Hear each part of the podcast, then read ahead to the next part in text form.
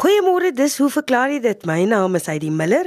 My gaste vanoggend is die dierkundige Sewil Daniels, die entomoloog Henk Geertema en dan die teoretiese fisikus Hendrik Geier. Sewil het 'n vraag ontvang van Ralph Kenneth. Ralph wou weet hoe 'n kameel dit regkry om 'n boom vol dorings te eet. Ek moet erken ek het self al gewonder hieroor en Sewil sit nou reg met sy antwoord en dan in deel 2 gesels ons oor hoekom 'n insek op sy rug lê as hy doodgaan en dan kan jy ook meer hoor oor nagvliegende motte, sapwurmpies en ons gesels ook oor 'n uh, analemma. Maar eers, Sewil, oor na jou. Goeiemôre Heidi, goeiemôre luisteraars. Nou 'n mens moet nou onthou dat gewoonlik by die kameelperde is die tong enige iets tussen 45 tot 50 cm lank, wat nogal 'n redelike lang tong is. Die tong is onder andere ook gewoonlik pers gekleur en die mense dink of die wetenskaplikes dink dat hierdie perskleur werklik 'n aanpassing is om die dier se tong te beskerm teen die son. Omdat hulle dan nou herbivore is, stuur hulle gewoonlik gereeld hulle tong uit. So die blootstelling wat die diere se tonge dan nou kry tot die omgewing kan dan nou tot 'n mate um, potensieel lei tot sonbrand. Maar hierdie pers gekleurde tong het dan nou werklik ingeboude um sonskerm wat help daarmee om die tong te beskerm. Dan wanneer 'n mens nou na die mondholte by die kameel kyk, sien 'n mens dat lateraal langs die langs die kant van die dier se bek is daar gewoonlik um verdikte pupille in die mond, verdikte uitgroeisels en die mense dink dat hierdie verdikte uitgroeisels saam met verdikte speeksel in die mondholte van die dier kan help om die dier se mond te beskerm teen enige um dorings wat voorkom. Nou ek het nou probeer soek in die literatuur om te sien of daar 'n verharde gekeratiniseerde laag op die tong voorkom. Ehm um, Ralf, ek weet nou nie of jy graag beestong eet nie, maar ek eet baie graag beestong en dis vir my baie aangenaam. Maar wanneer 'n mens gewoonlik die tong nou skoon maak, trek jy die boonste vel af en die boonste vel is gewoonlik redelik hard.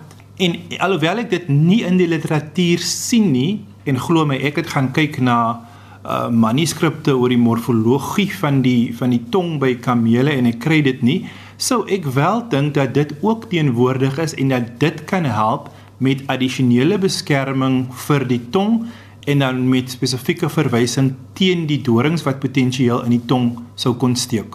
Uh, Môre Heidi, uh, kollegas, luisteraars, ek gee vandag aandag aan 'n e-pos wat ons van Dr Pieter Brewer van Piketberg gekry het. Uh, hy het geskryf en 'n foto gestuur en ek lees voor uit sy e-pos. Hy sê ek het 'n foto van die son bo op die Ketberg geneem op dieselfde tyd van die dag, 8uur in die oggend, ongeveer 'n week uitmekaar. Dieselfde kamera met dieselfde lens, 'n 24 mm lens van 'n vaste posisie. En ek het na verloop van die jaar die fotos hersaamgestel op 'n agtergrond van die landskap waar dit geneem is. En dan stuur hy nou 'n foto by en dan sê hy My vraag is hoekom die son naby die horison op die saamgestelde foto kleiner vertoon as hoër op in die hemelruim. Uh, en Hakie sê die geeler skynsel om hierdie sonbeelde kan verklaar word omdat dit dan tydens sonsopkoms was en die ander relatief later in die oggend. Pieter gebruik nie die term of die uh, beskrywing in sy e-pos nie, maar die foto wat hy saamgestuur het, uh, dra wel die die betiteling waar hy verwys na 'n sogenaamde analemma. Nou die meeste van ons het nog nie van 'n analemma gehoor nie. Dit klink amper asof dit 'n mediese kondisie kan wees, maar dit is nie die geval nie. Uh dit is 'n woord wat ontleen is hier uit 17de eeuse Latyn, dieselfde woord wat in daardie stadium verwys het na 'n soort van 'n sonwyser. Oorspronklik eintlik uh in die konteks van die voetstuk van so 'n sonwyser en daardie woord is op sy beurt weer ontleen uh, uit die Grieks uit wat dieselfde woord vir 'n meer algemene ondersteuningsstruktuur gebruik het. In elk geval, die gebruik het dan nou ontstaan om die verskynsel waarna Pieter hier verwys te beskryf en dit is om die posisie van die son in die hemelruim op dieselfde tyd uh deur die loop van die jaar te volg en dan uh te plot. So dit doen hy nou hier uh, deur eenvoudig elke week of so 'n foto te neem van dieselfde posisie af. Uh, as ek die foto so kyk, lyk dit vir my dit so daar in die rigting van die Winterberge geneem, Ceres se kant toe. Natuurlik nie verwar met die groot Winterberge wat daar by Dordrecht lê nie, maar hoe ook al. En wat jy op die foto sien is is dan uh, ek het hulle getel, hy het, hy het 45 keer hierdie foto geneem, elke keer registreer daarop 'n foto 'n uh, son skuif en uiteindelik het hy met uh sagte ware al hierdie sonskuive op een foto saamgestel en wat jy dan na voor jou sien is iets wat lyk soos 'n syfer 8 wat so 'n bietjie skuins lê. Miskien moet 'n mens uh net eers iets sê oor oor wat jy hoegenaamd daar waarneem. Uh uh die feit dat hierdie ding nie volledig simmetries is nie en en ook so half skuins op sy sy lê het met twee aspekte ma te maak. Die een is die feit dat uh die aarde se rotasie as natuurlik gekantel is relatief tot die baan wat hy om die son volg Dit is in die eerste plek hoekom ons natuurlik hoe genaamd seisoene het, daardie 23,5 grade kanteling van die aarde se eie rotasie as met betrekking tot die vlak waarin die aarde om die son beweeg en ook die feit dat die aarde se baan om die son nie 'n perfekte sirkel is nie. So in tegniese terme kan ons sê daar is sprake van 'n effense eksentrisiteit. So die feit dat die aarde nie altyd presies ewe ver van die son af is nie en die feit dat die rotasie as gekantel is, dit is die twee effekte wat meebring dat hierdie pad van die son deur die seisoene heen tot uh, vir 'n volledige jaar siklus so 'n syfer 8 tipe vorm het.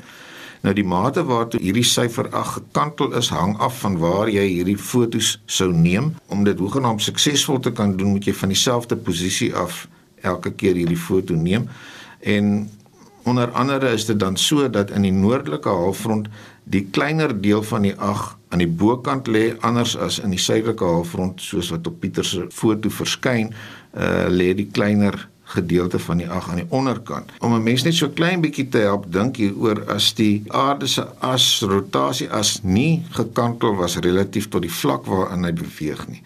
Uh, dan uh, sou hierdie sogenaamde analemma uh, net 'n eenvoudige ovaalvorm gehad het en by die ewenaar sou hierdie lyn eintlik 'n reguit lyn gewees het wat van wes na oos strek uh by die pole uh, sou die ding weer regop gestaan het. So dis moeilik om hierdie twee aspekte, die feit dat die aarde se rotasie as gekantel is relatief tot die vlak waarin die aarde roteer om die son en die feit dat dit nie 'n volledige sirkel is nie om hierdie goed visueel bymekaar te bring uh en dan op hierdie manier as dit ware te probeer uitpleis dat jy uiteindelik met 'n met 'n syfer 8 vorm gaan sit. Maar daar's natuurlik sagte ware wat mense al geskryf het wat voorspel presies waar die son sit op 'n spesifieke dag van af 'n sekere posisie waargeneem op aarde en uh ek weet nie Pieter, ek neem aan jy het seker ook al op die internet 'n bietjie rondgekrap. Uh dit is nogal deksels moeilik om agter te kom watter van hierdie sogenaamde fotos letterlik fotos is en watter eintlik net voorstellings is van van berekeninge wat dan teen 'n agtergrond voorgestel word. En wat ek wel agtergekom het is dat hier en daar is daar sprake daar of kan 'n mens ook waarneem soos wat jy hier waargeneem het dat die grootte van die son skuif wanneer dit letterlik afgeneem is nie oral dieselfde is nie, maar daar is ook fotos wat vir my gelyk het asof die variasie nie naasien by so groot is soos wat 'n mens hier op jou foto sien nie. So ek is nou in die soort situasie hierdie wat uh, 'n student om tipies bevind in 'n eksamen wat nie die vaagste benul het hoe om 'n vraag te antwoord nie en dan maar uh, na 'n bietjie kopkrap neerskryf en sê ek is nie heeltemal seker hoe om hierdie vraag te antwoord nie maar daar's 'n ander vraag wat ek wel kan antwoord en dan lostrek en dan hoop vir die beste en dat daar 'n bietjie genade van die van die dosent sal wees wat nou die ding moet nasien. So ek wil net vinnig verwys na 'n soortgelyke verskynsel maar wat op die ou einde glad nie gaan help nie en dis die feit dat ons almal weet dis die maan opkom en hy net daar bo kan die horison sit vertoon hy relatief groot terwyl later in die aand as hy deur bo in die lug sit vertoon hy natuurlik baie kleiner. Nou daar's verskillende maniere waarop mens jouself kan oortuig dat die maan se grootte of die skyf wat na jou oog toe onderspan word presies dieselfde is. Jy kan ook soos Pieter hier foto's neem en dan kan jy gaan meet op jou foto en jy sal sien die die maangrootte verskil werklik nie. Uh jy kan uh deur 'n opgerolde papiertjie kyk en die ding so oprol dat die maan net mooi inpas en dan sê jy sien op verskillende tye as jy nou daai buisie uh, vasgeplak het dat hy sy deursnit behou, sien jy presies dieselfde. En in elk geval is is die effek daar uh net mooi anders om as hier naamlik dat die die maan groter vertoon by die horison uh en kleiner ver, of jy dink hy vertoon kleiner as hy later hoër op in die lug sit. Terloops is interessant dat die verklaring vir hierdie verskynsel selfs nou nog dat daar nie volledige konsensus is oor hoekom 'n mens dit so ervaar nie. Daar's verskillende aspekte wat genoem word. Almal stem saam dat dit te maak het met die manier waarop 'n mens se brein visuele inligting verwerk, maar die presiese rede vir die oënskynlike verandering van die maan se grootte is is nog steeds 'n bietjie van 'n raaisel. So Pieter, nou terug by die direkte vraag. Ek is bevrees ek het nie vir jou 'n goeie antwoord nie. Alwaar ek kan dink, jy het in jou e-pos geskrywe dat jy dieselfde kamera uh met dieselfde lens van 'n vaste posisie afgeneem het. Jy het nie spesifiek gesê dat jy telkens dieselfde lensopening gebruik het nie. Dit mag miskien wees dat hier in die winter wanneer die sonnetjie baie naby aan die aan die horison was, jy die lensopening moes verstel om genoeg lig in te kry. Ek weet nie. Maar miskien kan jy vir ons laat weet tot watter mate jy gedokumenteer het of die lensopening dieselfde gebly het. So dis interessant dat van die sonne wat hoër op in die horison verskyn, amper hierdie karikatuuragtige tekeninge naboots wat 'n mens veral by kinders sien wanneer hulle vir die eerste keer 'n son teken, dan sien jy gewoonlik 'n geel skyf met sulke strale wat in alle rigtings uh, radiaal uitgaan. Nou hierdie sonnetjies op Pieter se foto lyk presies so en dit is natuurlik al klaar 'n effek van die uh, verstrooiing van die sonlig deur die lens. My vermoede is dat waarmee ons hier te maak het, moet 'n mens oor die boeg gooi van van van die presiese uh, lensstellings. Anders uh, sal ons maar almal saam 'n bietjie verder moet kopkrap hieroor, maar ek hoor graag van jou of jy inderdaad die lensopeninge ook konstant gehou het. Uh, as dit wel die geval is, uh, dan is die dan is die raaisel eintlik nog groter as ek bevrees. Maar wat ek vir jou wel kan sê is dat dit eintlik maar eers relatief onlangs is dat amateurfotograaf ek hoop nie jy voel te nagekom as ek jou so noem nie. Ek ek neem aan jy of dit lyk vir my jy het 'n ander professie maar in elk geval dat fotograwe oor die algemeen suksesvol hierdie analemmas kon afneem. Uh, tot hier by die jaar 2000 2005 was daar skynbaar maar net 'n handjievol mense wat dit suksesvol kon doen. So uh, ons moet jou geluk wens dat jy dit inderdaad so suksesvol daar op Piketberg kon vas lê en ek hoop ons kry kans om met groter insig nog verder oor die verskynsel te praat. Nou is dit die beurt van Henk Geertsma en hy het 'n vraag ontvang van Anita van Jaarsveld. Ek sit in brei hier in my sitkamer en merk toe op dat 'n besie op sy rug lê en dood gegaan het. En toe ek nou mooi daaroor dink, het ek agtergekom dat meeste vleiende insekte gaan so dood. Hoekom is dit so? Dankie Anita, dit is 'n baie interessante waarneming. As jy mens na 'n insek kyk, Stel jy voor jy kyk na 'n 'n rolletjie, byvoorbeeld jy kry papier, 'n rolle in die uh, kombuis, die die sneuspapier van afrol en so aan. So ons het nou daardie buis. Stel jy voor dat die liggaam van die insek is die buis. Nou die pote van die insek is aan die onderkant van die buis op die middellyn. Met ander woorde, die ventrale middellyn, daar sit die pote vas. As die insek nou lewe, is die bokant het nie pote nie, maar die pote sit mooi in die onderkant. Nou hoe doen die insek dit? As jy mens kyk na die insek se kop, en onthou ek het al gepraat daarvan dat daar is 3 sinusstelsels by 'n insek. Nou jy kry 'n stelsel wat die pote hanteer en jy kry 'n stelsel wat die brein hanteer. Op die kop van die insek kry jy mens die groot oë, ons praat van saamgestelde oë, maar daar's ook enkel oë wat bo op die kop sit. Die saamgestelde oë neem beweging waar. Maar die enkelvoudige oë op die bokant van die kop neem die ligintensiteit waar.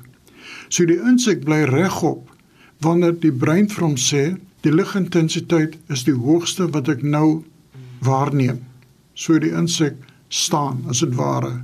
Met ander woorde, die bokant van die papierrol is na bo gerig en die pote is onder toe. Maar nou moet 'n mens besef dat die insek het drie paar pote en die pote se aanhegting aan die papierbuis kan 'n mens sê is baie naby mekaar. Met ander woorde, die insek kantel baie maklik. Was dit nie vir sy rigting aanwyser dat die lig is die sterkste bo, so dis my bokant en dis my onderkant. As die insek byvoorbeeld nou doodgaan, dan verval die behoudende funksie van die brein, die posisie van die insek. Die insek val om vanweë swaartekrag. Die insek val op sy rug en die pote is nou pote in die lug. So met ander woorde is eintlik net 'n een eenvoudige meganiese prosedure dat die spulpunt of die kantelpunt van die pote hou die insek staande en as die uh impuls van die brein en die spiere wegval as gevolg van die sterfte van die insek, dan verval daai beheermeganisme en die hele ding kantel om en die arme insek lê op sy rug en hy spoeg hy. Baie dankie vir 'n interessante vraag want 'n mens dink nie baie daaraan nie. En of dit nou 'n vleiende insek of 'n kruipende insek is, die effek gaan dieselfde wees omdat die pote naby mekaar is. Dis hoekom ook As mens kyk na baie insekte, kewers byvoorbeeld, as hulle loop, is die pote ver uitmekaar uit. En dit is om hierdie kanteling te verhoed. En natuurlik kan 'n mens byvoeg, onthou, insekte het 3 paar pote, so 6.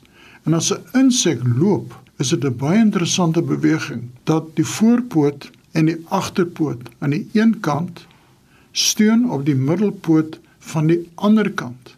So daar's 'n driehoek. En as die insek loop, dan gooi hy sy lyf eers aan die kant van die driehoek en dan die volgende streë word dan die voor en die agterpoot aan die ander kant gebruik en die middelpoot van die ander kant weer as 'n driehoek. Met ander woorde, die driehoek wissel gedurig soos die insek loop en die insek kantel as dit ware as hulle loop. Dit is ook 'n rede hoekom die pote van die insek uitmekaar het is om hierdie kanteling nommer 1 te verhoed, maar ook om beweging aan te help. En 'n mens vind veral dat byvoorbeeld kiewers met lang pote wat 'n groot driehoek maak, kan baie vinniger beweeg as ander insekte. En natuurlik ons beroemde kakkerlak is ook 'n baie goeie voorbeeld van vinnig loop. Ek het hierso 'n brief of 'n foto eintlik van Tersia Du Plessis. Sy stuur 'n foto van 'n mot of 'n skoenlapper wat in Woester opgemerk is. Die mot se naam is Siligramma latona. Hierdie mot is gewoonlik bekend meer in die noordelike dele van Suid-Afrika.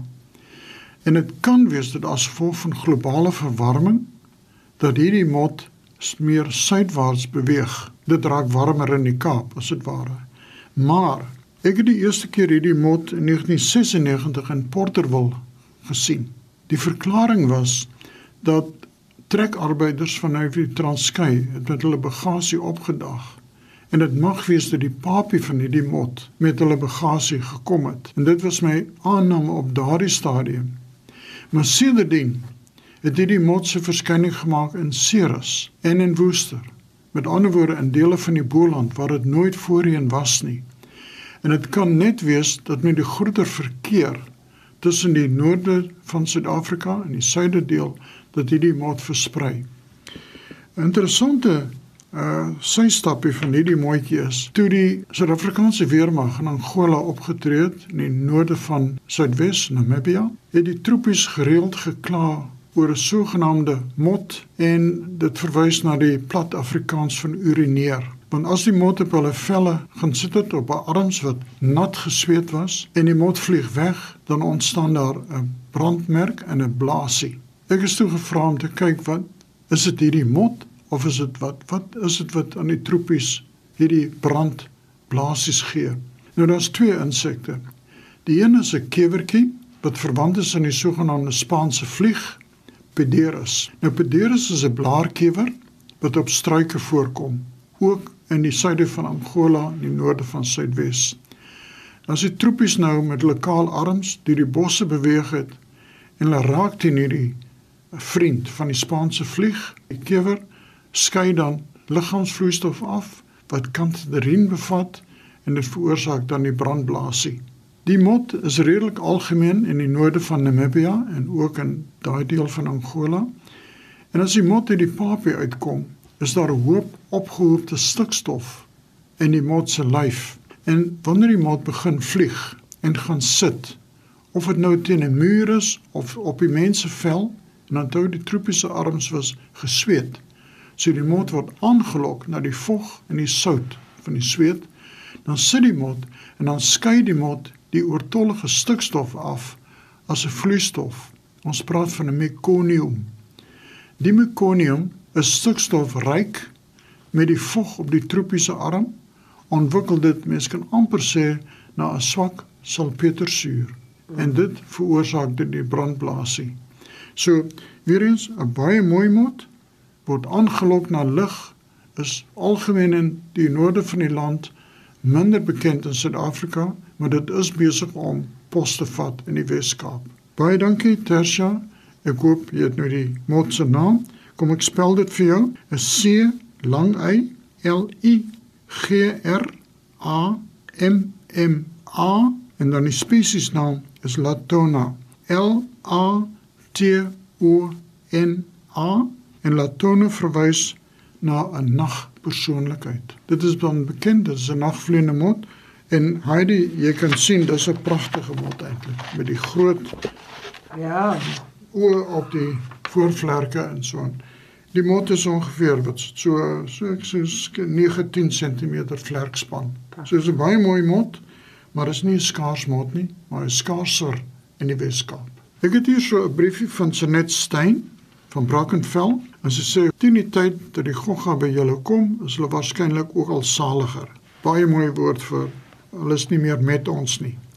Maar sy vra wat op aarde is dit? Sy het 'n rukkie gelede omtrent 'n handvol uit my braaiplek uitgevee op suurstene. Hierdie was in die huis. Wanneer dit beweeg, kom daar 'n slurpie te voorskyn en neem aan dis die kopkant wanneer beweeg in daardie rigting.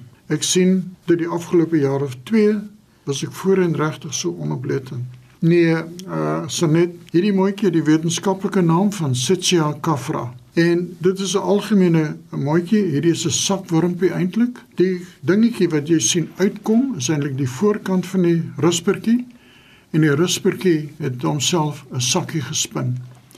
Nou jy praat van die handvol uit die suurstene. Nou die suurstene het baie kere korsmosse op, ligene. En hierdie larwe voed op hierdie korsmosse of ligene. En in die proses word se nou en dan 'n sementkorreltjie ook afgebyt en dit word gewoonlik gebruik om as deel van die sakkie se buitekant in te spin vir 'n beskerming. So dit is nie 'n skaarse insek nie. Dit is verwant aan die kleremotte, maar dit sal nie klere aanval nie, maar dit sal miskien jou bakstene bietjie reinig van hierdie korsmosse. Dankie Sanet. Die brief is geskryf 10 Oktober en dit is presies wanneer hulle in die lente begin te voorskyn kom. Die mooitjie self is so 'n witterige 'n mooitjie. Uh die vlerkspan van die mooitjie is omtrent so 12 tot 14 mm. Die mooitjie is dan witterig, maar dit swart spikkels op.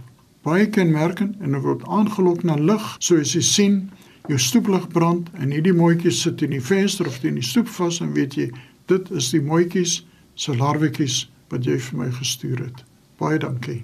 Jy het pas geluister na die verklaring van Henk Geertsma. Ons het ook gesels met Sewil Daniels en Hendrik Geier. Baie dankie aan my gaste vandag vir die baie interessante program. Ons het gesels van nagvleiende motte tot sapwurmpies. Aanstaande Sondag gesels ons verder.